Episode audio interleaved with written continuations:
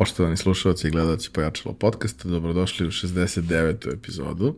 Ja sam vaš domaćin Ivan Minić, a realizaciju ove epizode je podržao Epson. Danas je moj gost Nikola Obradović. E sad, predstaviti Nikolu, to je kao kad mene neko pita čime se baviš. Kao, ja, obično kažem valjam neku robu, jer je to najjednostavnije. Ono, ako neko iz familije ko ne zna ništa, nema internet, ne, nije u toku, nisa čim kao, e, valjam neku robu, imam firmu, šta god. I onda kažeš neki abstraktan izraz i niko ti više ne postavlja nijedno pitanje, ti si onaj čudni na slavi i kao to je to. E, ti si čudan i, i van slave, mislim, ti si ovako dosta, kako tebe čovjek da predstavi? Uh, da krenem ja tako, ovaj, pa ja uvek kad mi neko postavi to pitanje, uvek kažem onako može neko lakše pitanje za nižu ocenu, ovaj, pošto naj, najmanje volim da pričam o sebi i o tome ono kao šta radim, jer se ja nekada zabrojim u svemu tome, ali možda da kažem da najviše kao serijski IT preduzetnik je onako naj, najkraće rečeno, jer u IT-u sam kao i ti od nekih malih nogu, tačnije od svoje četvrte godine kad sam i dobio prvi računar, tad sam se zaljubio u njega i, ovaj, i tu je ljubav na prvi pogled i dalje traje. Tad si se inficirao. Da, tad sam se inficirao ovaj, i tu je ono onda krenulo dalje sve o ono, osnovna škola, srednja škola, tokom studiranja, ne znam, i do dana današnjeg, evo, znači već sa 3-6 godina, tako da. Da, kad, kad pričamo, ovaj, iako se dugo znamo i u principu smo, da kažem, u toku jedan sa, mm. sa drugim šta se dešava, ja ne mogu pohvatam, mislim, čega se ti baviš. Mislim, kad bi imali ovde jedan zid viška da se iscrta sve to i da se povuku one linije između, to bi baš bilo onako kao lep goblan. Ovo je dosta komplikovano. I pričat ćemo o tome. Uh, I pričat ćemo o tome kako to izgleda kad neko uh, serijski ide u sve više i više priča u različitim ulogama i kako to na neki način iskoordinisati, a i dalje imati život, i dalje biti e, ljudsko biće, a ne nešto fiksirano sa mnogo pipaka. Ovaj, ali ono što je uvek kao uvod sa, sa svim sagovornicima u ovoj ili onoj formi je šta si teo da budeš kad porasteš? Da, pa boga mi, Dobro pitanje, ono, uh, neko mi je skoro postavio pitanje, neko slično, ovaj, kao, kako si zamišljao kao svoj život kad si bio mali i tako dalje i uh, ja inače jako često volim da se vratim, znači napravim neku retrospektivu i to i u poslovanju i u privatnom životu, ono kao gde sam bio pre godinu, dve, pet, da bi u stvari na neki način bio zahvalan nekim stvarima koje si postigao u zadnji, jer ako se čovjek ne vraća unazad, onda nikada ne može da kvantifikuje neki svoj progres i ne može da kvantifikuje neku, ne može da izmeri, znači u principu ništa. Ovaj, kad sam bio mali, htio sam postavim karatista, to mi je bilo, on tad su bili popularni ovo, filmovi sa Bruce Lee i ostalo, znaš, pa sam ja valjda hteo kao to. Onda posle sam trenirao basket, pa sam onda hteo, znaš, ono kao, Đorđe, zadaješ trojku u poslednje sekundi i ostalo, znači basket mi je ono ljubav, koji tvoja, jel? Ovaj, tako da, to je bilo i onda posle, znaš kako, jel, sam sve više krenuo sa računarom, ono imali smo, imamo i dalje porodičnu firmu, znači 30. godina će sad biti u oktobru, ovaj, koja je u osnovnoj delatnosti štamparija, onda sam uz Ćaleta dosta učio o grafičkom dizajnu, o svim tim stvarima, pravljanja priprema za štampu, igranje Prince of Persia, Atomic Bomberman i ostalih igrica, i onda sve više sam postao onako zavistan od računara i sve ostalo, onda sam već onako tu otprilike u osnovnoj školi onako poprilično jasno bilo da će se moja karijera skroz otići, neće biti ni karatista, ne, nisam nešto bio ni talentovan za sporta i visina mi nije neka jača strana, znaš, tako da ovaj, onda je tu otišlo sve u tom nekom smeru dalje ka tom nekom IT-u i generalno tim nekim stvarima, tako da sad to je uvek jako teško bilo objasniti ovo isto kao što si ti rekao, pogotovo porodici si ona šta on tu radi, kao nešto čaka na računaru i onda kao nešto je uradio, a uvek se zezamo, a brat donese kolica puno drva, znaš, tokom zime u, i onda to je vidljivo i, i on je nešto uradio ili pokosio travu ili znaš, a ja sam nešto kao To je pritiska neki dugmići za nas digne da, u vazduh sad. Da, e, tako da ovaj, to je, to je neka onako moje želje šta je bilo kad sam bio mali, onda posle kako se to onako tokom vremena kristalisalo sve više i više. A, kako si, kako je teko tvoj, da kažem, put formalnog obrazovanja mm -hmm. i u kom trenutku si ti krenuo da, da razvijaš neke svoje priče? Ok, kažeš da je porodična firma tu bila vrlo značajna Tako. kao nekakav inkubator za, mm -hmm. za, za tebe kao preduzetnika, ali u nekom trenutku svako od nas dođe u fazu da kaže ok, super je sve to i neću, ja ću da budem deo toga, neću da izađem, ali hoću nešto iz svoja. Pa, e, baš tako je sve otprilike krenulo negde u toj osnovnoj školi, ovaj, e, to sam do nedavno otprilike po prvi put stavio u tekstualnom obliku ovaj, tu neku svoju istoriju ovaj, na jednom od ovih e, sajtova svojih. E, generalno, u osnovnoj školi Ćale, ono, tad kada je radio, dosta je i putovao, službeni putuje levo desno i onda, pošto sam ja uz njega sve to učio, tad su bile, e, mislim da sam bio, ne znam, četvrti, peti, šesti razred osnovne škole, kada su neke druge štampari u Sremskoj Mitrovici, odakle sam ja inače, bukvalno zavisili od jednog klinca da će im završiti pripremu za štampu i neće da imaju šta da štampaju. I onda, ono, jer smo mi tada imali ono i skener i, i mislim da ne pričam kako je to sve bilo, ono Windows 3.11, Pixel brišeš i sve ostalo. Tako da tu su već nekako krenuli moji ti prvi, ajde da kažem, Više su tu odigrali porodica prvenstveno, znači tu neku ulogu gde recimo Ćale se radi službenog puta, ja sam naplatio pripremu za štampu, lupam 10 maraka, ja kažem, ej, zaradio sam, on kaže, ne, ne, to je tvoje. Znaš, ovaj, ti si zaradio to, kao ja nisam bio tu, kao nemam ja ništa sa tim, znaš, tako da u, u celoj toj priči od samih nekih početaka, onda tamo negde, ne znam, sedmi, osmi razred, šesti, sedmi, osmi razred, smo kupili prvi inkjet štampač u boji, pa sam ja onda to se stalno zezamo s tim, štampao sam lepljive sličice, pa sam to kao prodavao u školi, ovaj, uglavnom su curice kupovale više nego dečaci, ovaj, i onda tamo negde od prvog, drugog srednje, znači tokom gimnazije, sam napravio prvi softver za kladionice, ali je bio nešto malo drugačije od ostalih, pošto tad su svi pravili softver za kladionice, i igrom slučaja, pošto je dosta kladionica bilo po selima gde nije bilo interneta, nije ni postojalo serversko vreme, nego bilo lokalno vreme. I onda su barabe koje su radile na kucanju tiketa vraćali vreme datuma i vreme odigravanja utakmica, kucali tikete unazad i na taj način su ovaj, kako da se izrazim, ali faktički fejkovali utakmice koje su odigrani i jako puno oštećivali same kladionice.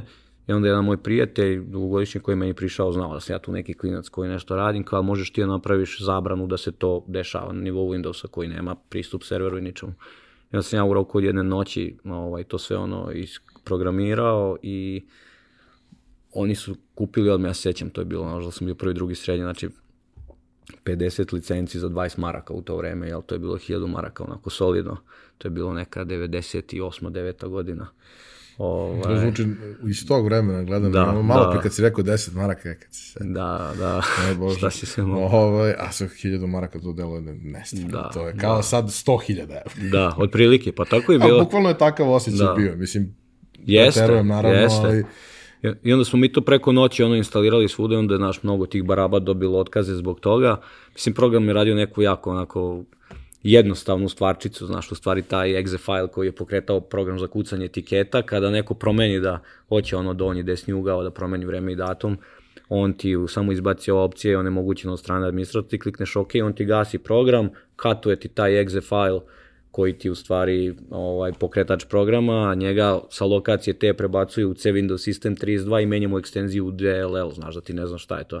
I onda kad ovaj nazove korisnički centar, kaže ne radi mi ovaj, kaže ne mogu da uđem u program, ovaj znao šta se dešava i on samo vrati program, za meni ekstenziju program i dalje radi, ovaj dobio otkaz.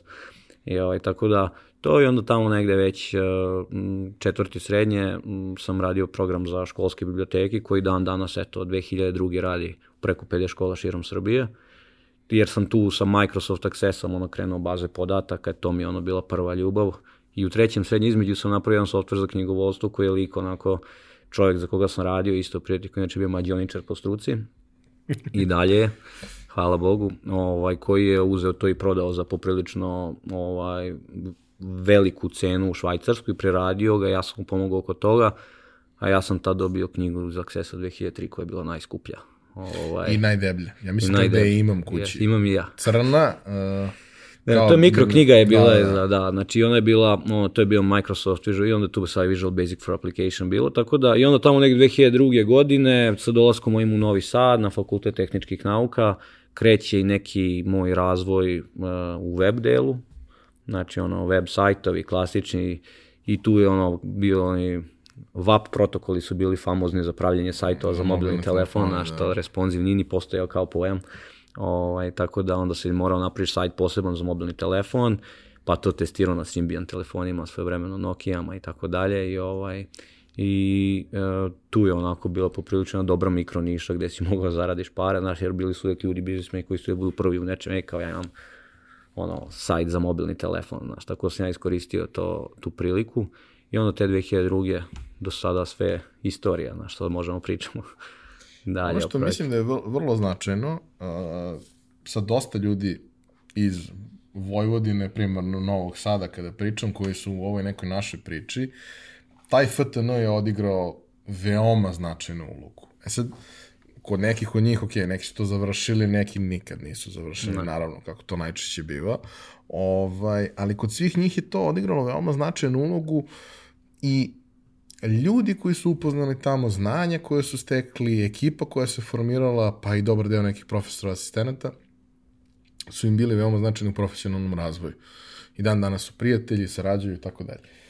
Kako je to izgledalo iz tvog ugla? Posebno sa ovim danas znanjem koje imaš da. i firmama koje imaš i gde realno sigurno zapošljavaš i mnogo ljudi koji, koji studiraju tamo i imate aktivnu saradnju i sve. Kako je to tebi izgledalo u tom trenutku kad ti dolaziš kao klinac željan znanja koji već ono nešto, on tu nešto pravi, radi ovaj, i dolaziš i krećeš u neku priču koja je potpuno nova, obično to kod nas na fakultetima baš kasnije jedno 30 godina, ali FTN je, mislim, po tome vrlo, vrlo specifičan. Da, fakultet tehničkih nauka, on generalno u Novom Sadu, onaj, kažem, nije što je moj pa ga volim, ali stvar ima tu neku i specifičnu energiju, ima sjajan kadar koji ume i da prenese neko znanje iz raznih. Mislim, sad pričamo o FTN-u, tu ono, imaš građevina, arhitektura, mašinstvo, elektro. To mi je isto posebno da. bilo interesantno što tu postoji nekoliko smerova koji tako su potpuno, tako nigde ih nema, tako a vrlo su high tech i dalje tu ima fantastičnih ljudi koji, koji na tome rade. Tako je, e, pa u principu da, znači imaš mašinstvo, imaš elektrotehniku koja se posle granala na, na dve grane, e, imaš e, mehatronika se tad pojavila isto te 2000, znači oni su kombinovali mašinstvo sa elektronikom, jeli to su ono, dosta su osvajali tih svetskih takmičenja što se tiče pravljenja robota i robotike generalno. Uh, građevinski fakultet i u okviru toga, arhitektura, grid se pojavio, to je grafičko inženjerstvo i dizajn, bilo je industrijsko inženjerstvo i menadžment, tako da u okviru FTN ja mislim da postoje jedno deset faktički vertikala, odnosno fakulteta koji su različiti, koji su pod tog jednom kapom samog fakulteta tehničkih nauka. I generalno je dosta tu se ulagalo i u same studente i u te neke vežbe i vodili smo nas po raznim fabrikama da vidimo... Nam recimo sve. da su i sjajne laboratorije. Tako je. Uh, zavisi opet ko je bio, recimo imali su za uh, IT je uvek recimo bilo ok, ali recimo pošto ja bio na proizvodnom mašinstvu, na primjer, mi smo imali isto te CNC mašine i sve ostalo, koje su tada, mislim da je FTN imao jednu od možda sad Lupić u Vojvodini jedinu koja je bila tad kupljena, ne znam odakle i donešena i onda smo tu učili kao programiranje na CNC mašinama i ostalo. Ovaj, tako da da, imali su i to se godinama samo na neki način ovaj, gradilo, ali je jako bitno što stvarno bar ja nisam osetio, niti sam kroz neku priču drugih, znači ti sa tim asistentima i s tim profesori, recimo mene su cenili zbog tog nekog mog znanja i predznanja iz IT-a i onda sto puta smo mi koji smo nešto znali pomagali njima, oni namo jedno kao bilo ajde kao da spojimo teorijsko znanje sa nekim praktičnim znanjima i da napravimo da omogućimo nekim drugim generacijama da mogu lakše da izračunaju, ne znam, neke stvari. Tako da smo to, uvek je ono tu dosta ulagano u taj neki research i, i ostalo. Tako da imali su stvarno sjajan kadar koji je i dalje tu, ono, meni sad dosta prijatelja su postali tu profesori, asistenti, doktorirali su tu i ovaj sad način na koji uh, vidim šta rade, ono, nisu nekako ostali samo u teoriji, nego su uvek nekako bili kroz praktične primere, kroz taj uh, R&D, kroz uh, drug projekte razne i onda je tu dosta rađeno na tom, na tom nekom segmentu. Ja se recimo sećam jedna, jedan samo primer, pre, pa sad ima sigurno 7-8 godina, je možda, možda mi 10, ovaj, bio TEDx u Novom Sadu mm -hmm. i ekipa koja organizuje TEDx Novi Sad je najospiljnija u zemlji i zaista to rade fantastično. Veliki pozdrav za Ivanu i Dejana, stvarno rade sjajne stvari. I sećam se da je bio uh, neko od profesora sa FTN i predstavljao je uh, laboratoriju koja se bavi audio, odnosno tekstu speech da. engine-om za srpski, koji je tad su oni nama demonstrirali kako to otprilike funkcioniše, među vremenu još unapređeni, ne znam, danas se koristi na sajtu vlade i koje gde još, ali i tada je to bilo meni potpuno neverovatno da je neko uspeo sa svim specifičnostima no. našeg jezika koje su vrlo zahtevne i ni jedan algoritam koji postoji ne može da to radi na pravi način. Su oni razvili celu priču da je to tada zvučalo toliko dobro i prirodno, a i danas zvuči sjajno. Samo se sećam, to, to mi je bilo fascinantno kad je pušten na ovaj sajt vlade i kad taj engine isprocesira sav tekst, nisu mogli da izbjegnu to da ima novosadski naglas. Kao, to je onako moment kad čitaš sajt vlade i čita ga kao onaj dnevnik u pet popodne što da, je bio da. studio Novi Sad. E, oni su u pravu si, ja čak mislim da je to bilo pre možda 10 pa 10, znači vidi, oni su to razvijali jako dugi niz godina, znači kad kažem jako dugi, vjerojatno između 5 i 10 godina. Ovaj, I ja mislim da to jeste nastao kada od projekata na Futunu, zato što uh, u jednom momentu, tokom, tokom negde mog uh, školovanja, ja sam kao tražio te neke IT projektiće koje su mogli da, da kao se tu proisteknu i onda je postojala takozvana famozna medija, Mislim, tu su Ilija i Gođa iz Active Kolaba, oni su bili deo toga, Dekirani Savljević koji je sad u, u, u Nemačkoj, znaš, ono, cela ta ekipa, ovaj, koji su momci dan danas ono uspešni ili imaju svoje privatne firme ili rade za Fortune 500 kompanije, ono, mislim, u, i najbolji su u svojim oblastima i ta je, ta ekipa je baš bila onako core FTN što se tiče nekih inovacija i sve. Mislim da i dan danas, sad nisam dugo otišao na FTN sajt, ali otprilike na celom back office i sve, otprilike, ver, moguće da sad već nešto promenio, vidi, to je prošlo, znači skoro 20 godina, ali ovaj, da, da, da je to sve na, na njima. I taj je jedan od projekata koji je bio takođe, ovaj, ja sećam se, ja čak nešto bio aplicirao tu, jer, ali znam da je ono, to je baš tražilo neki hardcore inženjere sa algoritmima, sa, ne znam, prepoznavanje ovog onog i, i na kraju iskreno ne znam kako se taj projekat završio skroz, ali ovaj, znam da je, da je da, baš sve kao što si opisao ovaj, da, da su oni momci radili i razvijali, da je tu baš bio ceo tim koji je bio ovaj, uključen na, na taj projekat je bio onako poprilično jak. Znaš, ali da, tu, tu si mogu da očekuješ, znaš, od Futuna i od tog medije koje je postojalo u to vreme i od svega, ono, stvarno stvari koje su se razvijale su bile, ono, daleko iznad onoga što je očekivao na fakultetu.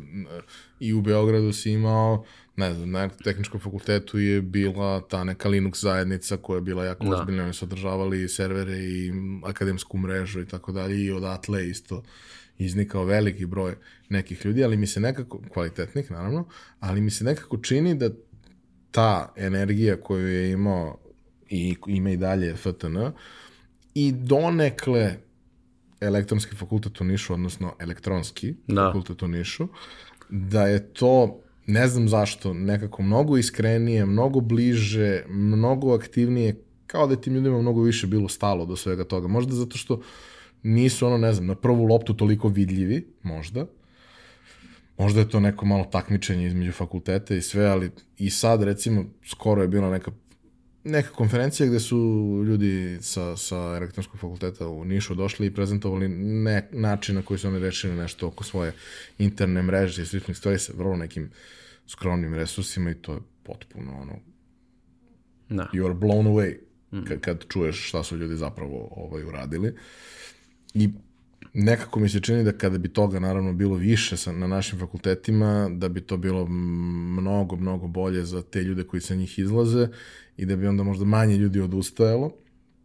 Jer kod nas kad, kad pričamo o tome, znači ja sam faks upisao u 27. privatni fakultet, u principu smatrao sam da, da, da možda nije loš da, mm. da to uradim i program je bio takav da je to meni bilo prilično interesantno da sam gomilu stvari već učio samostalno jer mi je trebalo za posao i kao relativno lako sam da. prošao veći deo, nisam diplomirao još, obećao, napisat ću diplomski, ovaj, ali kao relativno lako sam prošao kroz to i tamo to neko zvanje e, ko, koje inženjerski menadžment daje kao smer mi je super jer je to nešto između menadžmenta i inženjeringa, neka spona tu koja mislim da jako često nedostaje. Ove, ali nekako kad pričaš o ETF-u, PMF-u, mašincu, ono što kažemo pravim inženjerskim fakultetima, prva stvar koju ti svi kažu da je jezivo teško. a nisam siguran da je baš to point. Da to treba da bude toliko teško da, kao ljudi koji završe ETF u Beogradu i koji ne završe, imaju da traume. Znači, ti pričaš sa njim pola sata, ti znaš da je on studirao ETF, čovjek ima traumu. I dobrim delom zbog toga što ima tu traumu, nikad se neće možda baviti nekim od tih stvari, jer je proživeo izuzetno težak period polaganja nekih ispita koji, mislim, suštinski 50 godina kasnije više možda i nisu toliko bitni. A, taj neki miks koji, koji možda FTN daje mi se nekako čini, znaš, on kao uzeo najbolje od privatnog i državnog fakulteta, da. iako je državni i napravio od toga dobru priču. Pa daću ti sad jedan od poslednjih primjera, ja mislim da je to pre, pa sigurno možda ima više od godina, znači možda i dve godine, znači FTN je napravio prvi blockchain smer u Evropi. Znači, na državnom fakultetu ti imaš smer za blockchain tehnologiju koja je napravljena, koja u Evropi ne postoji. Znači, stalno se pratio taj korak s vremenom. Znaš kako ja mislim da opet e, na neki način kad dođe ta smena generacija, verovatno sad u tom nekom a, kadru ljudi koji predaju i kada dođe možda neke naše generacije, da budu asistenti profesori i koji su ispratili u potpunosti trendove, vrlo su voljni da, da to primene zapravo i u, ne, u nekim praktičnim a, predavanjima, ne znam, Đorđe Ćelić koji je direktor poslovnih kuvatora, ja znam način, ja znam koliko on čovjek radi na samom sebi, na m, privatno vreme da sebe unapredi, ne znam, oko ne znam, a, generalno marketinga i svega i on to sve prenosi kasnije na decu u okviru fakulteta. Tako da, Uh, I s druge strane, opet i u toj mediji tada kad je vladala atmosfera, ti na košarkaškom terenu, tačno znaš koji je igrač gde i znaš koju ćeš akciju otprilike da odigraš. I, I postignuto je to da su svi ti ljudi, svi smo smi družili zajedno. Razumeš, znači i van toga, znači spojalo vas je jedno interesovanje i ljubav ka nečemu, da je to bila ljubav ka IT-u, I onda pored toga smo išli zajedno i na pljeskavicu i na basket i druženje i u kafanu i ovamo i onamo i tu ti su stvari stvarala baš ta energija kao što kažeš između tih ljudi, između ovaj, svih tih članova nekog određenog tima ili departmana ili određenih ovaj stvari. Tako da ima i s druge strane opet ja mislim da je tu dosta ajde, Novi Sad je manji grad od Beograda ovaj, i mogući da na neki način mm, je i to malo uticalo onako da, mada FTN kao FTN nije mali, ali on je možda i najveći, ja mislim, konkretno sad i fakultet po broju studenta i po svemu, ovaj, možda čak i u Srbiji, ali uh, drugačije, znaš, dosta je tu ljudi bilo koji su došli sa strana, znaš. Ono ti tu pod jednom kapom imaš tako nešto što je podeljeno je, na drugim mestima na više fakulteta, tako je, tako je. ali čini se da je to dosta dobra integracija. E sad, pomenuo si Novi Sad, što mislim logično ako pričamo o Fatonu da. da se pomene, ali uh, Novi Sad je isto fenomen. Novi Sad je isto fenomen, uh, iako možda nepravedno zapostavljen, jer su većina medija koji bi mogli o tome da pišu u Beogradu, pa je to mm -hmm. možda nevidljivo, a sa druge strane, to što smo pomenjali više puta u prethodnim podcastima, da ti imaš neki ljude koji rade neke neverovatne stvari i da. čute o svemu tome, jer za svaki slučaj. Da. Ovaj, Novi Sad je neverovatan što se toga tiče. A, kao neko ko je onako prilično e, e, dobar izdanak startup scene u Novom Sadu i ne samo startup scene, nego svega ostalo, daj nam neki ono, pregled landscape-a, šta, šta zapravo sve postoji u Novom Sadu. Pa da, poprilično je, uh, mislim, to je, ajde, mi smo malo pričali o tome i privatno pre ovoga, uh, to kažem, uvek e, Beograd na neki način je ono, uvek je živeo u jednoj svojoj zatvorenoj školjka je to bilo i onda, što i ti kažeš, pošto je suviše i velika, onda nekada ljudi međusobno ne komuniciraju. U Novom Sadu je malo drugačija kultura, mi smo, znaš, pravili Uh, ajde sva ta neka okupljanja između nas, ili igramo basket, ono, dve, tri kompanije sastanu se startupa, kako ga nazovem, pa pikamo basket i sve ostalo. Uh, imali smo, Novi Sad zadnjih x godina je generalno jedan od, ajde da ne kažem da je najbolji pa da me posle neko proziva, ali možda i jeste, znači najjači IT centar na celom Balkanu, znači ne pričam sad samo u Srbiju. I imaš sjajne primere, eto ti Trilateral, znamo, oni su sjajni momci, stvarno ono što rade, to je ravno ono, ne znam, naučne Postoji fantastici. Postoji da, zašto su kupljeni, da, od strane koga su kupljeni tako i za koliko je, su kupljeni. ovaj, e, ne znam, imamo recimo poprilično razvijenu i tu kao gaming industriju za igrice, recimo tu ima dosta tih manjih kompanija koje, mislim nisu manje, u stvari to su sad veće, ne znam, Apex, Mirko koji je sad postao taj Playrix od strane isto uh, Rusa, uh, zatim ne znam tu je mm, Madhead Games, uh, ne znam ovih drugih nekih ma Active Collab ti tu takođe, znaš ti u stvari imaš uh, u različitim vertikalama stvarno sjajne primere kompanija koje su otišle van tog nekog outsourcinga, ne, ne nude više svoje usluge drugima, nego imaju bukvalno svoje proizvode koji su izračito Nenadov, ne znam, Clockify, ova, i tako dalje, znaš, ono, i stvarno ljudi, ono što kažeš, kako pričam, imena dolazi, ali ti sad kad bi stavio, pazi, to su ti e, zaista ozbiljne kompanije na svetskim nivoima koji igraju ono sa protiv najvećih konkurenata. Tako da... Uh, rekao, rekao si mi kad smo pričali, nešto tipa 700, 800 kompanija ima. Ma IT. više ima, ja mislim, mislim, znaš šta, imaš, imaš jako puno nekih manjih timova koji rade po nekim zatvorenim stanovima koji ono, ni ne znaš da postoji, znaš, oni samo jednom kao svone neki proizvod, ono, znaš, zatvorili smo se tu, radimo i ono kao, ej, čao, to, tu smo, ono, ovaj, Uh, ima, uh, ne znam, ima opet dosta kompanija koje se bave nekom delatnošću kao i, i moj Bridgewater Labs ili No Solutions, kako god da ga nazovemo, uh, koje se bave outsourcingom, onda imaju, ja sam dosta spin-offovao neke stvari, pa sam napravio te kao posebne startup, neke proizvode i svega toga, ali uh, poenta je da znaš, ono, cilj je imati neki svoj proizvod, nije cilj ono, ceo život prodavati, naplaćuješ na satnicu, man Kupiš day, man hour, da, da, i prodaješ kao i ono, baviš se na kraju dana nekom trgovinom. Mislim, ja mogu da ti dam nekoliko sjajnih primjera, e, bukvalno iz prakse, mi smo radili jedan od poslednjih projekata koga smo razvijali, je bila onako poprilično interesantna aplikacija, e, koja je omogućavala ljudima koje se bave e, da kažem nekim popravkama na terenu, da su to vodoinstalacije, elektroinstalacije i tako dalje, peći, ruteri, modemi, uopšte nebitno. E, omogućavala im je da gledaju kroz kameru korisnika i da mu kažu sa neke strane kombinacija augmented reality da oni na računaru zaokruže i klikni ovo dugme i tako ćeš resetovati router i to će ti proraditi. I, ovaj, I sad ja ono, uvek šta hoću da kažem a, i koji je neki moj cilj, da napravimo taj neki, koju vrednost mi donosimo našim klijentima.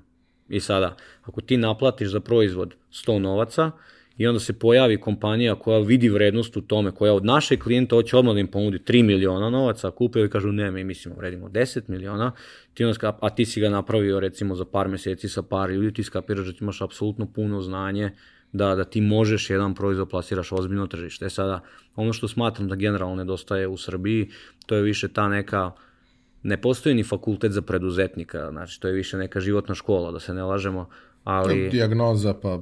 Verovatno, da, oporava. i onda sve ostalo, da, ali e, mislim da nedostaje da mi imamo a, sjajne inženjere, da imamo sjajne umove, što bi rekli, i da možemo napravimo bilo šta na ovom svetu, a opet sa druge strane a, ne znamo kako to da plasiramo na globalno tržište, ne znamo kako da imamo taj više preduzetnički duh i na kraju dana, znaš, dosta tu ljudi uđe u taj neki infinite loop i onda ne znam kako da iz njega izađe što se meni negde čini, uh, i razgovarao sam sa dosta ljudi na tu temu, ono, tim kafama, pivima, posle posla i to u prethodnih nekoliko godina, da nama fale ljudi koji su nešto što se de facto zove product manager danas, odnosno ljudi koji mogu da se postaraju, ne, ne rade ništa konkretno, pojedinačno i tako dalje, ali koji mogu da se postaraju da nešto što je dobra ideja, koja je realizovana i postoji proof of concept, se uobliči u konačan proizvod, mm -hmm. koji može da se marketira dalje. I sad kad razmišljaš ono nazad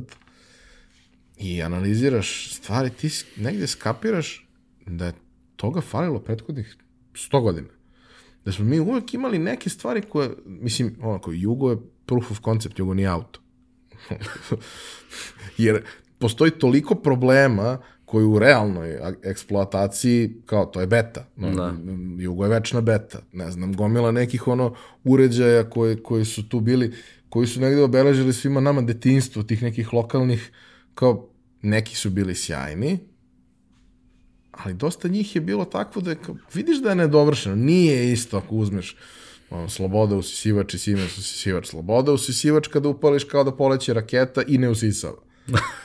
ali izgleda na određeni način, ja i dan danas kad ga vidim, meni je toplo oko srca jer sam ja da. odrastao uz to, a kao, viš da mu nešto fali, ono kao, nekoga nije uobličio do kraja, ali nema veze, to je bilo vreme u kome se to proda, jer kao to je i to se proda. Ali više nije takvo vreme da možeš sa nedovršenim stvarima da praviš priču. Ti možeš sa nedovršenim stvarima da testiraš nešto Tako je. i to i jeste negde poenta svih, ono, MVP, lean i svega ostalog, da ti sad ne, ne potrošiš 100 godina razvoja da bi testirao nešto što nikome ne treba, nego da shvatiš odmah da li to nekome treba ili ne.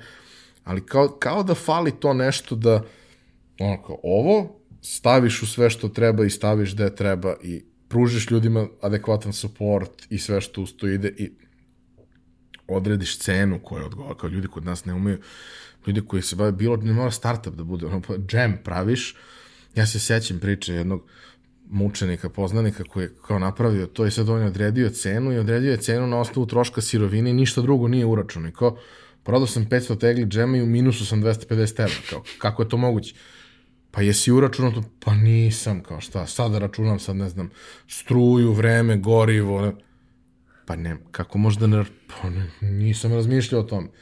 I onda kao, to su sve neka znanja koja bi u suštini neki takav smer, možda baš i ovo što sam ja studirao i to sa možda nekom nadgradnjom moglo da bude nešto što će zapravo da, da, da, da omogući da se te stvari obliče. Ali hoću da te pitam da li misliš, jer moj utisak jeste da, da je to vrlo značajno, da, da je dobro proći outsourcing i raditi outsourcing neko vreme i napraviti neke pare u outsourcingu, jer to je najlakše i najbrže da. i tako dalje, da se da vidiš šta zapravo možeš da razviješ, kao što si i ti rekao.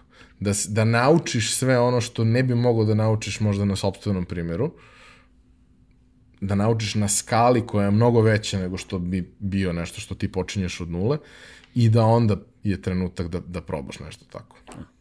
Pa da se vratim prvo na jugo i na neki, neku betu i sve ostalo, znaš, to se uvek setim onog vica kada kaže, evo, mislim, ni to vic, to je verovatno realnost surova, ovaj, kada kaže kako da napraviš, ovaj, kako da testiraš da li Jugo dobro diktuje. Kaže, staviš mačku u Jugu i staviš mačku u Mercedesa i sad posle 24 sata ako je mačka umrla u Mercedesu, znači da dobro diktuje. Kaže, ako je mačka još u Jugu, znači da je dobro, ako nije pobegla. e, A bukvalno. To, to ti je to. E, pa vidi, e, ja bi se opet malo vratio u prošlost, jer baš to što si rekao, napravio je, prodaje 500 tegli džema i u minusu je 250 evra, ja sam se tu uvek svađao s Ćalatom i misli, dan danas zezamo sa tim kad kaže kao ono, to ima neku vrednost, znaš, ja kad sam prodao te sličice u 7., 6., 7., 8. razredu osnovne škole, znaš, sad vidi, to meni nije koštalo ništa, jer Ćale plaćao toner, Ćale je plaćao muflom samo lepljivi papir, jel, to što sam ja uradio, isprintodo i prodao, taj glova je otišla meni u džep, znaš, i sad ja nemam troškove nikakve struje, Tebi papira, odlično. meni je odlično, znaš, i onda Ćale kao, znaš, ne možeš tako razmišljati, znaš, kada, kada, kao, kada kao praviš cenu nečega moraš uračunati sve to. Imaš cenu tonera, imaš cenu papira, imaš cenu tvog rada, koliko si potrošio san, imaš taj kliparti iz Corel Draw koga smo platili ne znam koliko kao sastavni deo. Pa ne znam, imaš cenu struje i tako da. I onda on kad je, znaš, meni razložio kao to sve u neke proste činioce ovaj, i napravio kompletan da presek stanja. da, otprilike, da, jer je taj poprilično inkjet štampač je bio skup tada, kao i toner. Ovaj, i, I onda, znaš, ja, ja njemu kažem, da, ali ja gledam iz svog ugla, to što si ti platio, to je tvoj trošak, znaš, nije, I problem. nije moj, da. Znaš, ono, hoćeš da mi zabraniš neko koristi, ono, kao, neću, ali, znaš, i onda je on tu onako dosta radio sa mnom u smislu kako jeste i onda, znaš, sad kad ja radim kvantifikaciju stvari, ja ono računam apsolutno, znaš, ono i što ne treba da se računa verovatno, ali uvek ono imaš i i taj neki overheads, kako ga mi zovemo u celom poslovanju, ali te to jednostavno nauči praksa kad budeš 250 evra posle 500 tegli u minusu ili jel ako ti moraš iz svog džepa Pazi, da... to nije mnogo, to je pola evra po teg, nije strašno. Slažem se, ali je minus, da. Ali što više radiš, to je veći Da, da, minus. da. Linearno je dosta. Dobro dok nije eksponencijalno. ovaj, ali uh, tu, tu je e, taj neki moment ono koji, koji ja mislim da, da si u potpunosti u pravu jeste da, da moramo da, da, da radimo. Sad, e, konkretno, taj isto postoji taj industrijsko inženjerstvo i management smer na FTN-u. Ja znam da oni se tu bave izradom i biznis planova i da pokušavaju da naprave taj P&L dokument. Znači, ono da, ono od, e, mislim, i organizovali su tamo i oni se ponovno sa te Google Startup vikende i ostalo gde je uglavnom bio fokus kako od prezentacije ideje finalne do toga šta je bitno prikazati, u tom nekom biznis planu moraš da imaš kompletan ono sled troškova i ne znam investicija, zašto ćeš da je potrošiš i tako dalje. I, I to je baš taj neki segment na koga ljudi, e, možda da kažem, više početi. Nije to sad ono kao neki rocket science, da ti ne možeš to da naučiš i da skapiraš. Mislim, svi znamo šta su nam ulazni troškovi, šta su nam izlazni troškovi, to je to.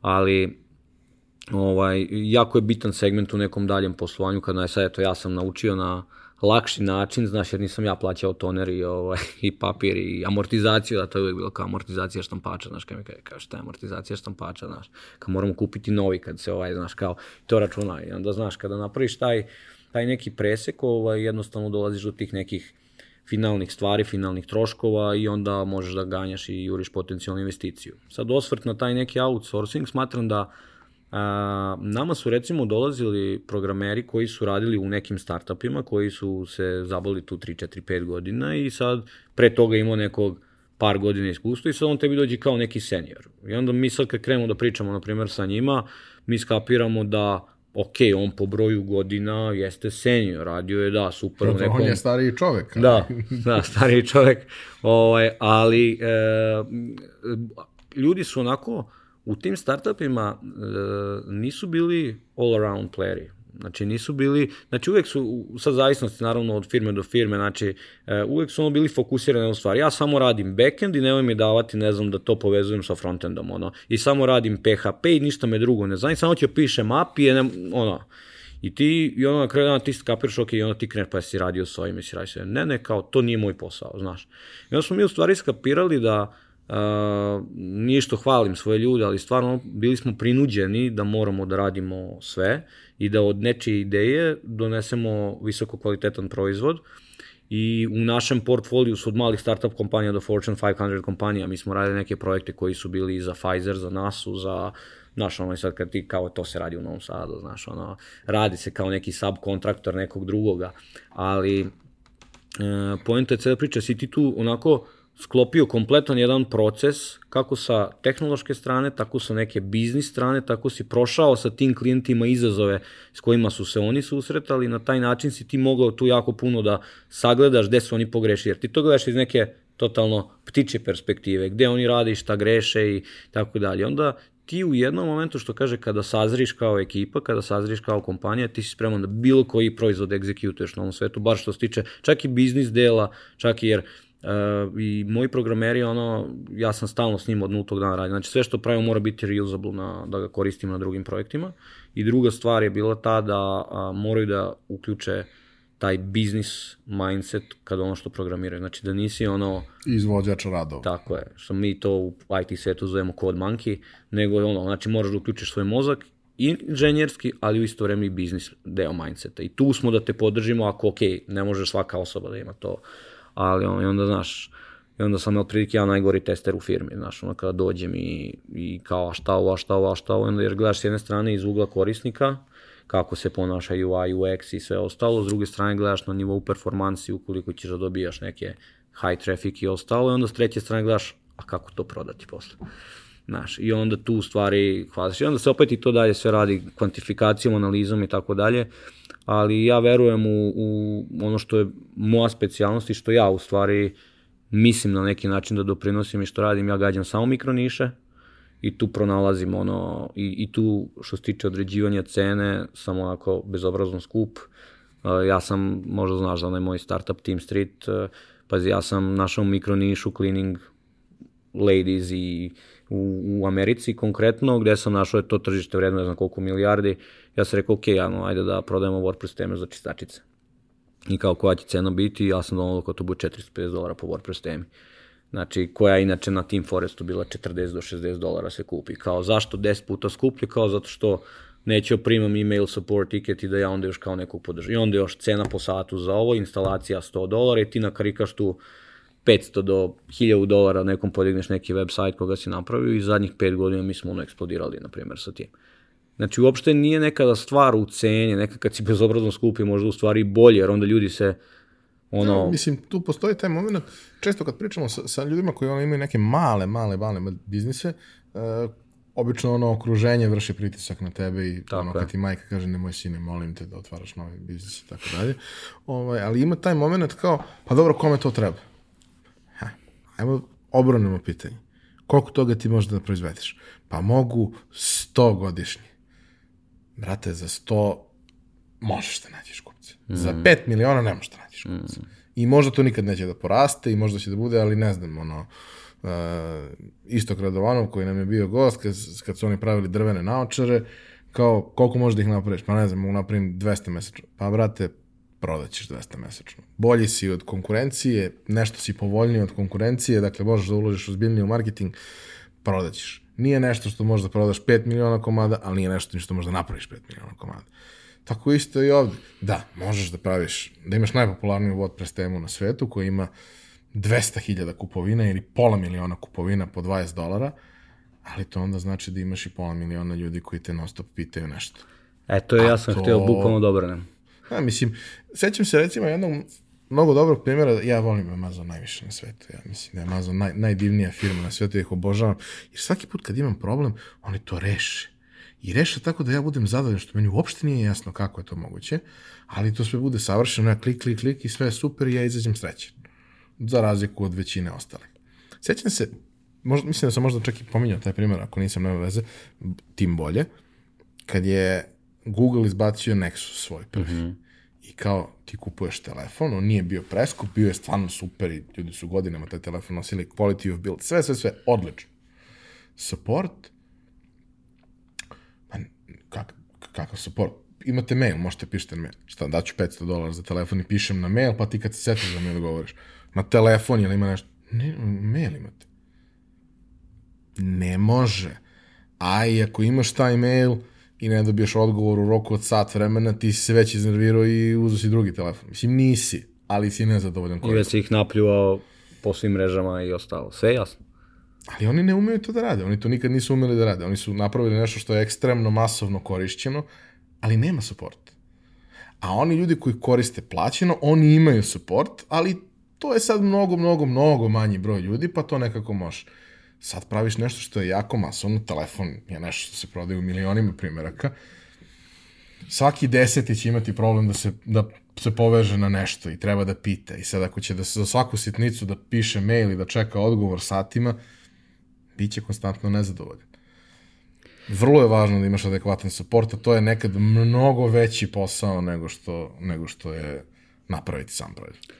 Pa dobro, verovatno znaš onu priču uh, za, za PayPal kada su krenuli da rade, oni su ono što kaže let it burn, uh, neke vatre moraju da gore, znaš, dok ne dođe vreme da se ugase. Uh, PayPal u jednom momentu nije imao uopšte uh, customer support centar, oni su čak imali neki broj telefona koji je otprilike bio iznajmljen, koga su na kraju rešili tako što su podigli slušalicu i što im se niko nije ovaj, više javljao, jer ljudi su ono, zbog nezadovoljstvom customer supporta, u stvari, ono, jedan je lik došao na vrata, našao im adresu gde su bili registrovani i došao na vrata i kao ima taj, taj problem, ne odgovarate na mailove, ne javljate se na telefone, zaposleni u okviru PayPal koristili svoje mobilne telefone, bukvalno dodaju da, da mogu da rade dnevne operacije, jer su im se fiksni telefoni bili ono upalili i bile su slušalice podignute.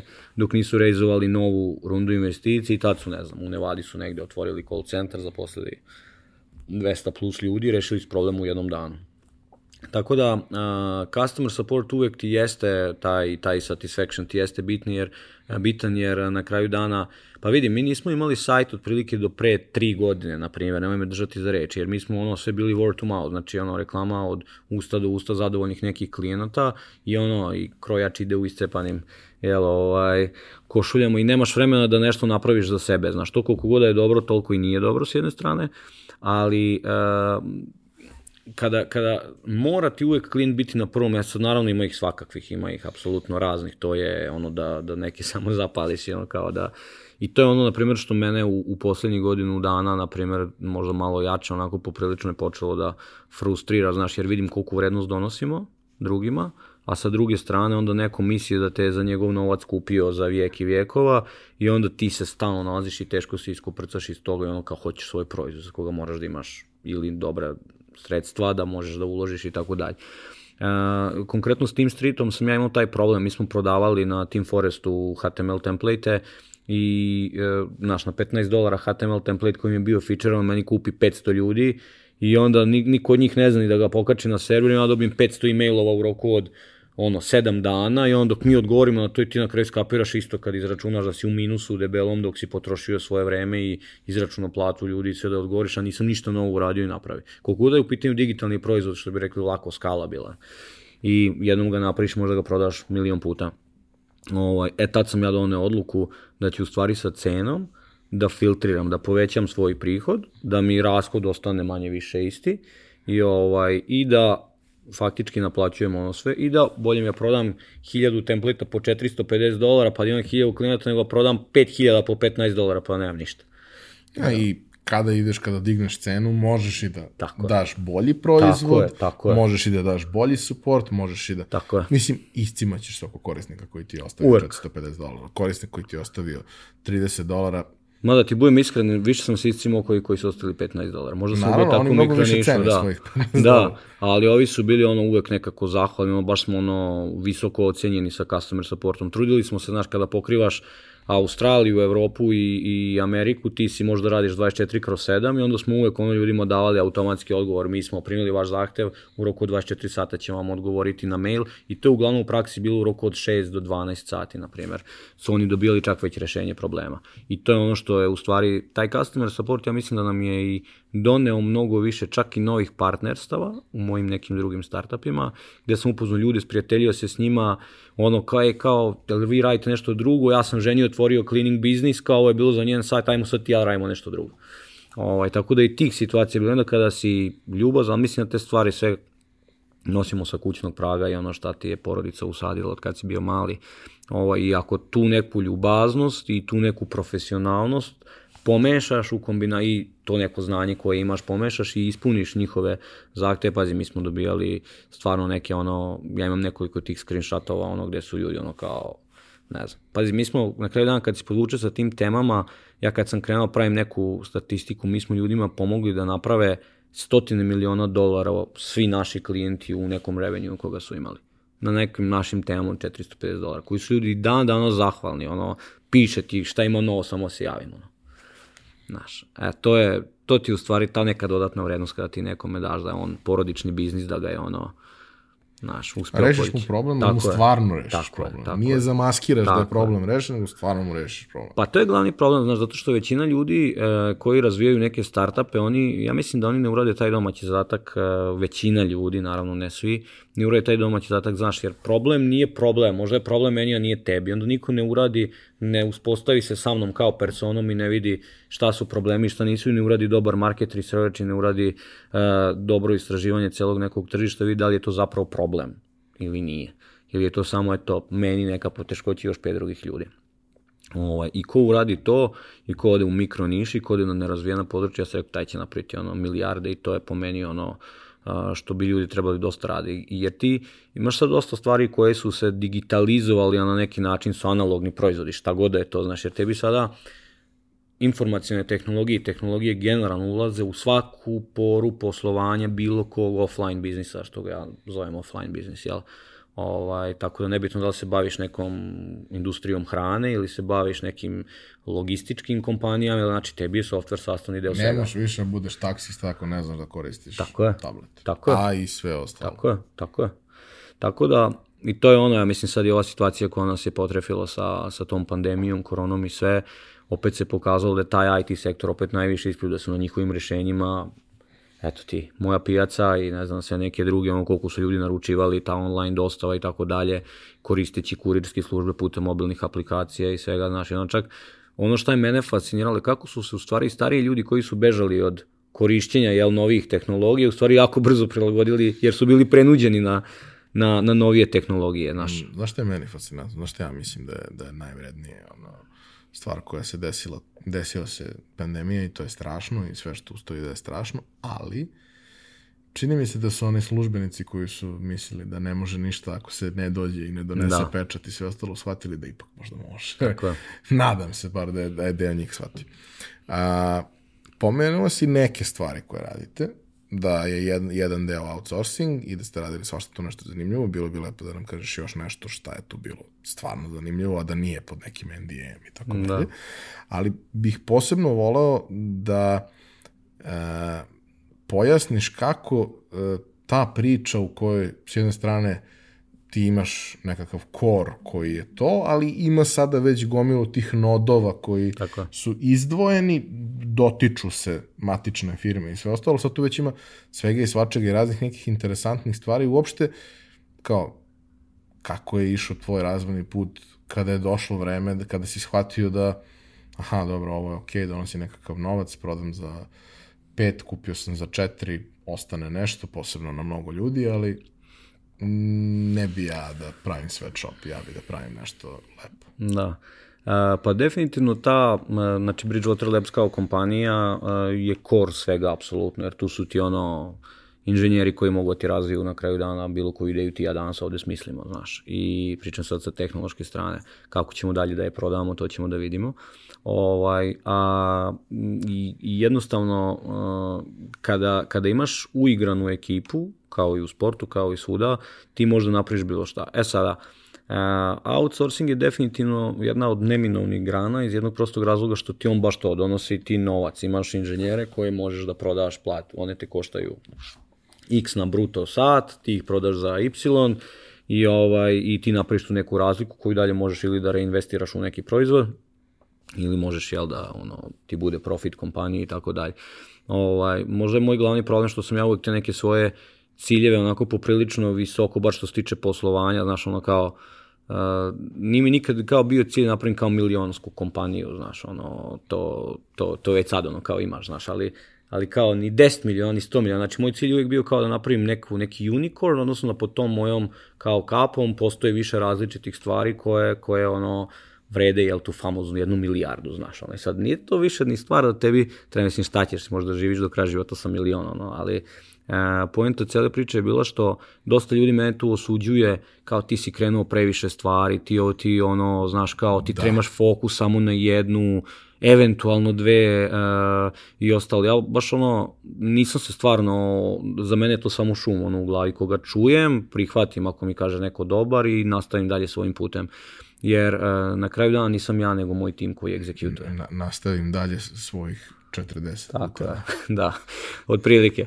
Ovaj, i, ali bez tog tima, u stvari taj tim koji stoji iza mene je u stvari taj ono core mašina koja u stvari sve to pokreće. Ja mogu da budem vizionar, ja mogu da doprinesem na raznim poljima, ali na kraju dana to neko treba da egzekutuje. I način na koji ja to radim je u stvari što pokušavam da se upartnerim na tim projektima sa ljudima koji su bolji od mene u nekim drugim stvarima. Znači, ili je to developer, inženjer, ili je to neko ko je bolji u marketingu, ili neko ko ima određenu bazu podataka korisnika koje ćemo mi da plasiramo neki od tih proizvoda što smo se dogovorili. Ja tu onda izbegavam apsolutno, pa svi moji proizvodi ja mislim da još nisu ono, uopšte nismo u marketingu ulagali u smislu pravi novac, nego sam se ja uvek vezivao sa nekog ko već ima svoje klijenti koji lako može da im upselluje nešto što, je, što smo mi zajedno napravili. E tu mislim da leži korijer. Svi smo mi veliki preduzetnici, ćemo budemo 100% vlasnici od svega, ovaj, a bolje budeš 10% vlasnik od nečega nego 100% vlasnik ni od čega. Što bi rekao Svetislav Pešić, e, bolje veliki komad velike krempite nego mala krempite. Istina. da, bolje popiti dva hladna piva nego jedno vruće. Ovaj, tako da, e, e, tu, tu mislim da leži u stvari ta neka moja, e, prva stvar sve, ja nikad nisam odskakao od tog IT sektora, znači nisam e, ono ulazio po nekim drugim vertikalama u nekim offline biznisima i tako dalje. Sad imam neku zamislu, volio da pravim ono svoje vino i pršu to, ono, nemam pojma, ali... Dobro. Eto, to je, to, ali to je više za moju dušu, znaš, ovaj, ali ne, ne ono kao... Imamo mi dušu. Slažem se.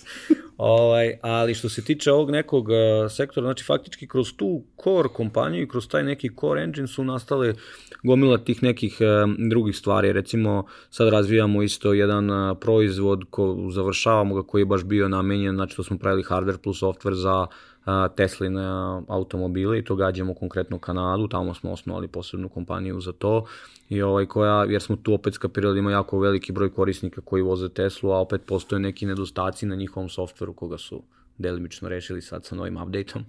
Ovaj, I onda smo mi tu videli priliku opet mikro nišu i tačno znaš ljude koji, koji voze Teslu i tačno znaš problem koji ima kad smo radili naše customer research i mi smo onda napravili tu neko parče hardvera i softvera i mobilnih aplikacija koje u stvari njima rešava taj problem. To je recimo jedan interesantan projekat bio onako poprilično. A, radili smo, ne znam, to što je za nas bilo, to smo skupljali podatke sa nekih satelita, pa smo ih onda dalje obrađivali, pa smo dalje slali te servise da ako tebe zanima da izmeriš, ne znam, kakva će biti temperatura, vlažnost vazduha u radijusu od, znaš, ono da ti možeš da dobiješ te informacije, jer ti je bitno, na primjer, ako sadiš krušku, da znaš otprilike te informacije kakve jesu. Uh, pravili smo razne stvari na nekim malo, onako, ja to kažem, egzotičnim tehnologijama koje nema veliki broj inženjera ovde da radi recimo Golang, ono to smo radili da moramo da ispuštujemo neki big data i da neke obrade podataka milijarderske i, i ono sve ostalo je to da zahteva određene brzina kako se radi i tako dalje, tako da Uh, to onako tog nekog outsourcing dela, taj recimo je bio interesantan projekat što smo radili, na pravom primjeru mogu da ga ispričam žena koja živi u Saskatchewanu, tamo mi imamo kancelariju u Calgary u Saskatchewanu, to je Regina država, ona je imala problem sa peć, ono, tamo pingvini padaju u nesvest, ona je minus 50 stepeni zimi i ženi se pokvarila peć, ona nije mogla da, da je upali, ona je nazvala call center, taj call center je rekao, ok, gospođo, sad ćete primiti SMS, samo kliknite na link, znači ne mora da je na Play Store, App Store, da skine aplikaciju, registruje nalog i tako dalje, kliknite na link i pratite dalje instrukcije.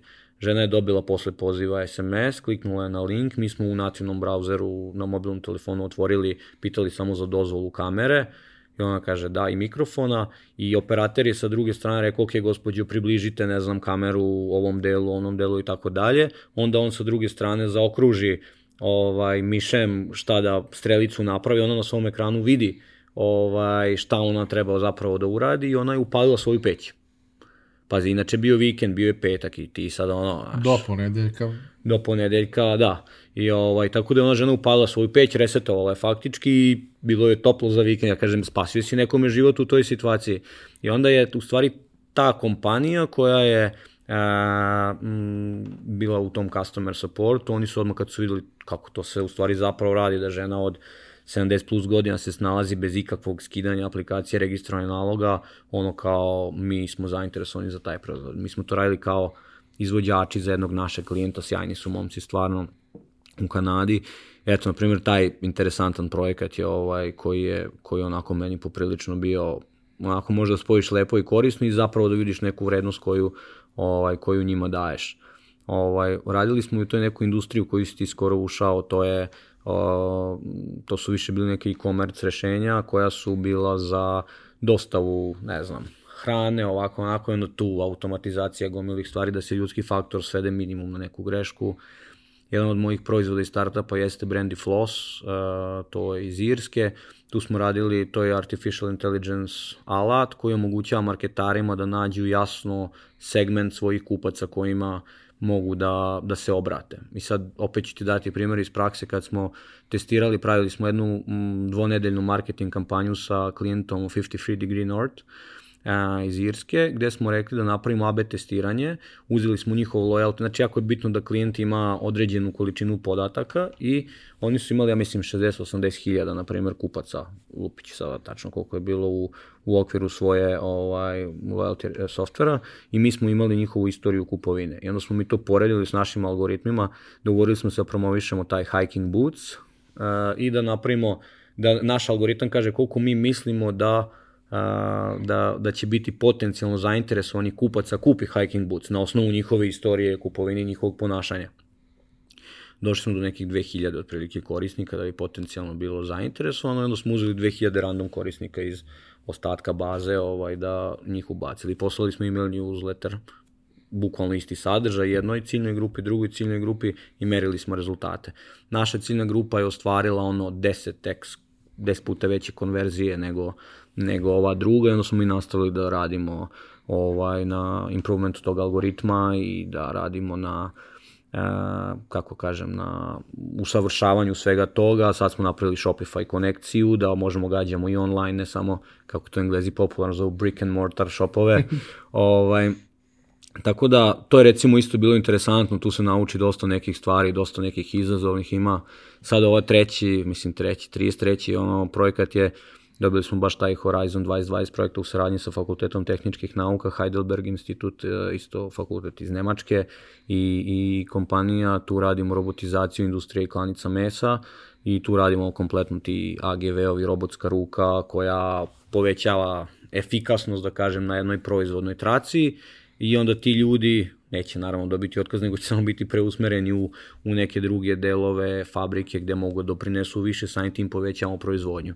I sad ono treba napraviti, znaš, pošto se koristi ta neka njihova Opel platforma i radiš sa robotima i radiš sa, znaš, kombinacija softvera, hardvera, veštačke inteligencije, computer visiona i, znaš, ono sve što zvuči sofisticirano, jel? Kada nećeš više neku priča s tobom, onda počneš te izraze ako nije u IT-u.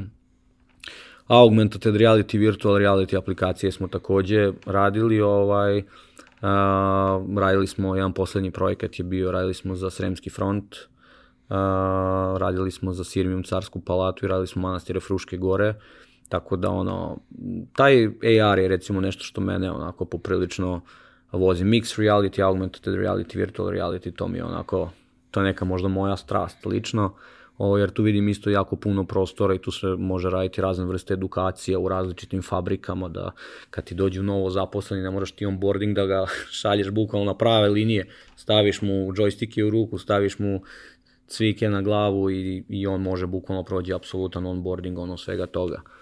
I ovaj, tako da sad tu imam neku ideju, jel, 69. kao i ova epizoda, otprilike kako mislim da mogu da ubacim taj moment VR-a u startup, u pičovanje i u ovaj, tako nešto. I to je, to je nešto što tako kad ugrabim vremena, kad klinci zaspe, onda ja kao nešto tu crtkam, znaš, ali a sad sam ovako ti ispričao vratno jednu desetinu stvari, ovaj, ali sam se trudio onako da ti, da ti pohvatam nešto ovaj, što je onako malo interesantnije. Sve ostale stvari nisu toliko interesantne, ali su gađaju određene mikroniše, mogu opomenem i LSD, e, to je, tu sam ušao u e, konkretnu projekat sa jednim sjajnim momcima koji za mene je to lično izazov bio da naučim azijsko tržište, odnosno konkretno Kinu u ovom slučaju. I na projektu smo zajedno nekih godinu i po dana već sada i sve ono što znaš o biznisu, što znaš o marketingu, što znaš na šta je Google, Facebook, Instagram i ne znam, sve ostalo možda baciš u vodu i moraš da kreneš da učiš kulturu Kineza, način kako on pregovara, da sve što se dogovorite sutra dan ne važi, ovaj, pa da ono na kraju opet nekako uspostavite neki deal da tamo se prilagodiš njihovim Baidu, TikTok i, aj TikTok je sad postao popularan i ovde tamo je bio, ne znam, Weibo i ostale neke njihove socijalne mreže, WeChat. WeChat, famozni, da, ovaj, s kojim sve radiš. Ja kad sam bio u Kini prošle, uh, prošlog oktobra, ovaj, baš u Pekingu, tamo i u gradu Suzhou, sam isto bio blizu Šangaja. Uh, Znači, oni su stvarno ispred nas, ono, ispred vremena što se tiče tehnologije i ono je, mislim, s tim WeChat, ja tamo oni imaju uh, i njihovu verziju Ubera i taj Baidu, to je sve. njihovo, sve, znači njihovo i ti, to je meni ono bilo fascinantno da, mislim, ja sam nekako brzo uklopio u ceo taj ovaj njihov sistem, naš. Oni su stari komunistički sistem, ali smo i živjeli dugo godina pod istim, pa je ovaj, onako. Tako da, eto, to je meni lično, više u jednom momentu počneš da juriš projekte koji će ti držati malo onako mozak zauzetim i gde ćeš moći da naučiš neke nove stvari i da uh, istražiš neke nove, da li su to kulture, da ih nazovem, ili neke nove tehnologije ili šta god. Uh, I, ova, I to je konkretno meni je ono Azija sa tim bilo, jer mi smo bili prisutni. Pa priča je zapravo škola stranih jezika tako na daljinu. Je, tako je, da. Znači to je u, u principu uh, jedna od prvih, ako nije prva online škola iz Evrope, znači koja posluje na teritoriji Azije. I krenuli su momci kada su bili ono Japan, Tajvan, tu su krenuli, tu su imali onako 10, 12, 13 hiljada održanih časova. Baš mislite, ja, nas su Japanci ocenili od 1450, na primer, ocena klijenata, kad te Japanac oceni, imali smo prosečnu ocenu 496. Znači, tu smo baš plivali sa kvalitetom, dobro, međutim, problem je bilo, pošto Japanci i Tajvanci nisu htjeli da plaćaju puno, onda samim tim ti moraš tutoro ponudiš nižu cenu radnog sata i onda se tu dešavalo su kineske škole koji su istu vrstu usluga naplaćivali puta 2 do 5 i onda sam ja rekao kad sam došao, ajde kao onda, se zahvalimo Japanu i Tajvanu i da se prešal tamo u Kinu. I ta tranzicija je krenula ja mislim od oktobra prošle godine otprilike i onda smo tu imali failova, ono, angažuješ kinesku agenciju, ono, pa dobiš i kinesku uslugu. ono, koliko god da ih volim, s jedne strane, znaš, ono, stvarno, mislim da to više dolazi na nekom kulturološkom razilaženju, da nije toliko ni jezička barijera, verovatno sve pomalo jezička barijera, kultura, ne znam, kako ja vidim posao, šta oni deliveruju i na kraju dana se ja njihovom stavio posle 3 meseca i rekao, ljudi, evo, podvučemo crtu, mi smo vam platili XY novaca, mi smo prodali nula. I onda, najsmešnije od svega što radimo growth hacking na kineskom tržištu, znaš, pa smo zaposlili jednu devojku iz Kine koja živi u Nišu, zaljubila se u našeg momka, pa ona sad deo nas, pa vidi, ono, to, to, to je jedna onako poprilična turneja, ono s kojom možemo napišemo još jednu posebnu knjigu, znaš, ono sve šta smo tu iskusili, ali smo e, poprilično došli daleko s obzirom na naše budžete koje smo ili nismo imali ovaj, i na način ono koliko je tu posvećeno vremena, energije i svega. Eto, to je recimo meni interesantno bilo zbog baš tog upoznanja te nove kulture i sve. Mislim da je to vrlo značajno taj moment da ti kroz ovo što radiš u suštini imaš prilike da upoznaš gomilu tržište, da, da ti to outsourcing donosi, s tim što da, jeste generalno englesko govorno područje, gro posla i tako dalje, ali sećam se, ja sam isto pre desetak, 12 godina radio par nekih projekata za Irsku, pa mi to bilo veoma interesantno. Pa onda Kanada, oni su najdivniji ljudi na svetu. Ja ne znam, mislim, baš i, i, i Nikolina ovaj, Andrić kad je bila, ona isto pričala da su kanadjani najdivniji. Ja isto imam utisak da su oni neki... Sve ono isto kao Amerika, samo nije toliko napeto. Ovaj, I što više radiš, a onda shvatiš da postoje neka tržišta ono koje ti na prvu loptu uopšte ne padaju kao, to, to znaš, kao, pa dobro, ne znam, Bangladeš. Bangladeš je kao cela Evropa, mislim. Da. Nije bukvalno, ali te neke zemlje, Indonezije, slično, koje možda nisu toliko platežno moćne, ali su dovoljno velike, da možda neka stvar koja gađa ogromnu skalu može kod njih da ima smisla. Apsolutno. Pa e, ja se uvek zezam, znaš, ko će napravi unikorna, ide u mikro niši da nerazvijena tržišta. E sad, šta su nerazvijena tržišta? To su baš te, e, nisu to toliko nerazvijena, ali u stvari i jesu, zavisi s kog aspekta gledaš, koliko su nepoznata tržišta nama sa svakog aspekta posmatrajući. Jer daću ti primjer, recimo Nigerija. A, Nigerija kao oficijalno ima oko 200 miliona stanovnika, ali ja mislim da tu realno ima 120-140, samo što nisu ažurirali jel, spisak. Ovaj, A, isto postoje primjeri tamo koji su se radili, ne znam, lik je napravio, pošto oni imali do pre godinu, dve dana, otprilike poprilično spor internet. I neki lik je napravio browser gde je naplaćivo otprilike 1 dolar, da ti on u stvari isparsira ga od slika i servira ti sadržaj da ti bude brz. Znači, to nije nikakav rocket science. Hoću ti kažem da u Evropi, Americi, da bi napravio jako puno para, uh, ti moraš da stvarno napraviš neki rocket science u današnje vreme, neki proizvod koji je ono, wow a gađajući mikroniši, gađajući nerazvijene zemlje, ti možda napraviš jedan običan proizvod koji nema šansa prođi u Evropi i u Americi, a zaradit ćeš više para u Nigeriji od njega nego, nego što ćeš zaraditi ovamo. I, ova, I pritom ćeš ga uraditi za 7 dana s jednim čovekom, na primjer, sa konkretno ti pričam za taj Bar ćeš browser. imati nešto što možda testiraš. Tako je. Pa sad, tako je, tako je. ako se ispostavi da to pije vodu, tako je. neće ostati na jednom čoveku i na 7 dana. Ti, ti u stvari, uh, generalno, ja mislim da je Afrika, na primjer, jako interesantan kontinent za, za poslovanje. Uh, po meni čak i Švajcarska. Uh, ja se iznenadio, na primjer, koliko su neke stvari u Švajcarskoj nedigitalizovane. I, Recimo, i... meni je naj, najočigledniji ono primjer, nešto što mi je dovoljno blisko, jer sam bio x puta i tako dalje, Austrija. Austrija je u ono, 97. Da kada, kada pričamo o tome kako izgledaju portali, da. medija, kako generalno funkcioniše sve to. Sad, nije to neko ogromno tržište, ali ta Austrija veličine Srbije samo ima 10 puta veću platežnu moć. Tako je. To ti je, generalno je ta, znači ako tu uspe, kogod uspe da to namiriše neku, ja to kažem, zlatnu žicu ili koku, ono u smislu tržišta, veličine tržišta, Znači tu, tu dolazi ono do, do nekog ono stvarnog buma i stvarno ti ne treba neka ono sad tehnologija, ne znam ovakva ili onakva koja stoji iza toga da bi ti napravio pare. Sad sve zavisi šta koga vozi, znaš nekog vozi samo da pravi pare, nekog voze izazov i neko voli da uči nešto novo, Znaš, ono, mislim, to A neko sada... voli sve to isto vreme. Da, neko voli sve to isto vreme. to je baš strašno. Da, takvi su najgori. Um, Šta je najvrednije što si naučio na ovom putu? Ako si išta naučio, šta?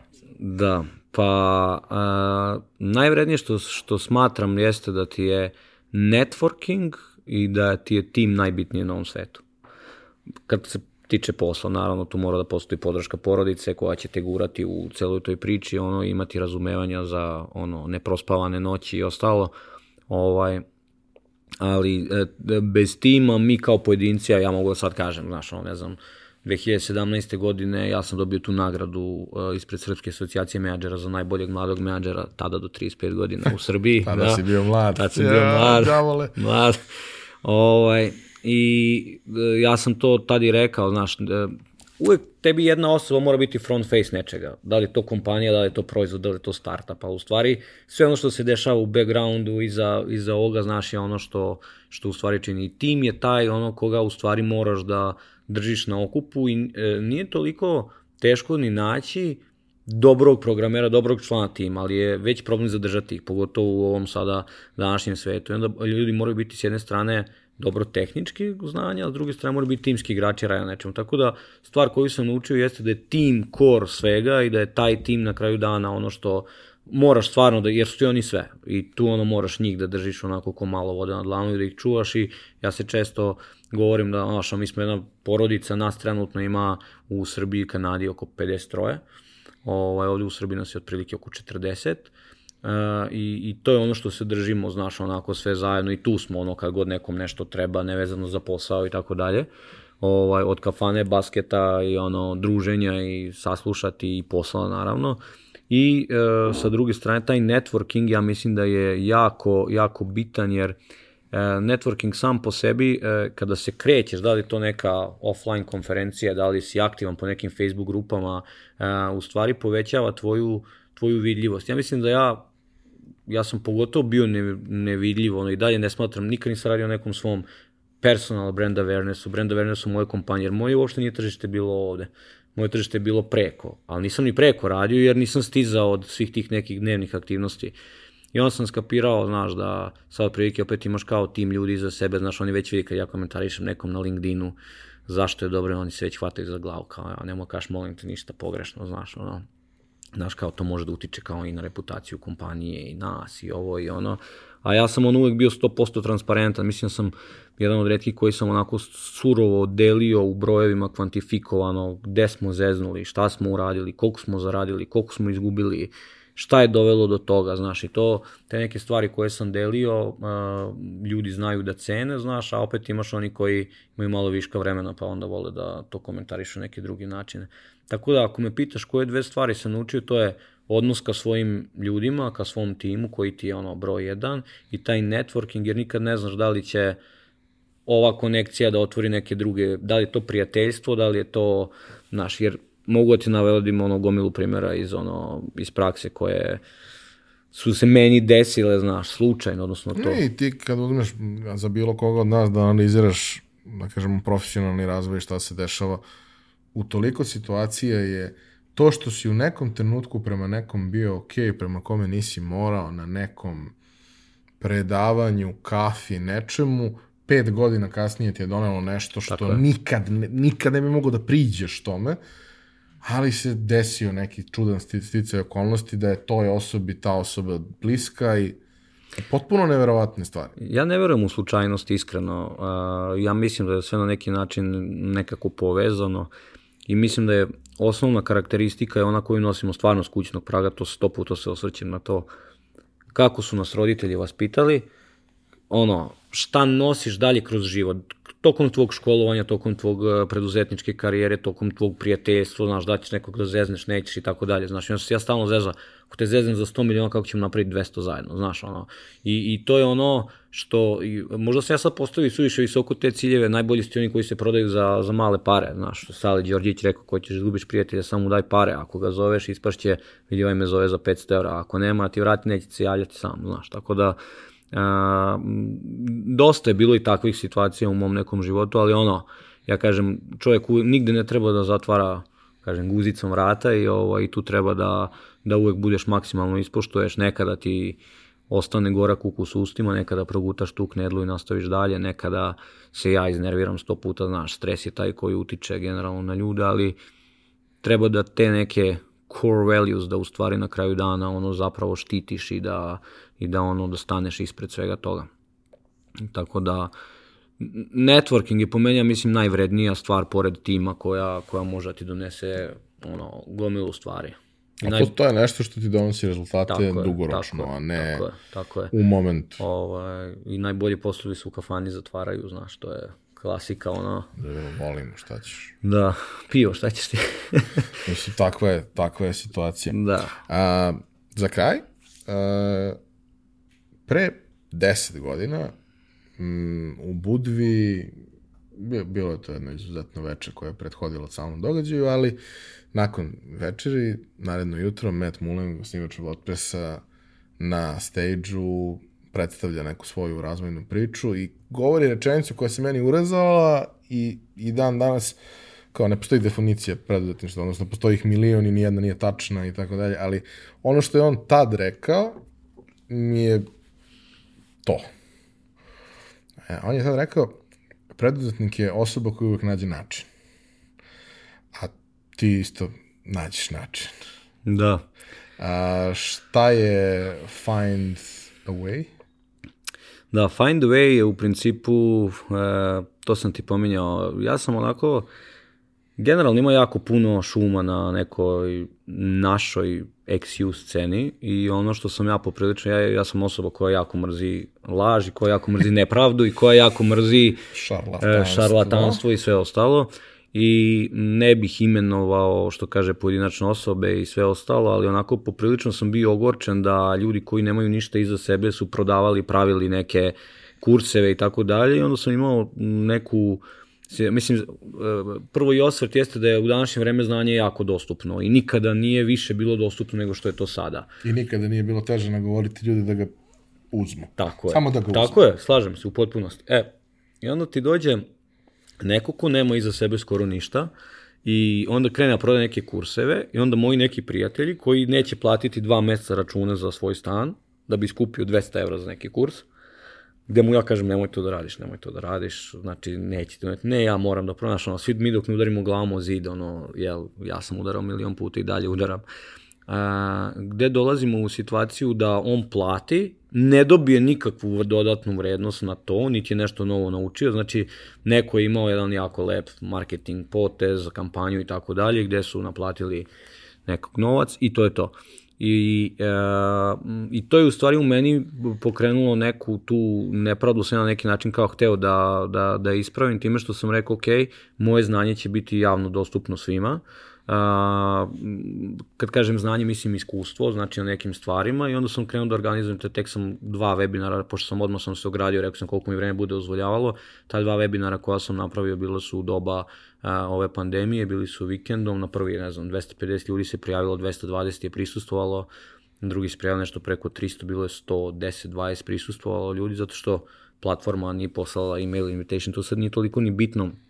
Uglavnom, Uh, dosta ljudi mi posle toga cimo kao ono, hvala što ovo radiš, hvala što deliš sa nama, uh, dosta ljudi me kontaktiralo da li mogu njima pomognem na nekim stvarima.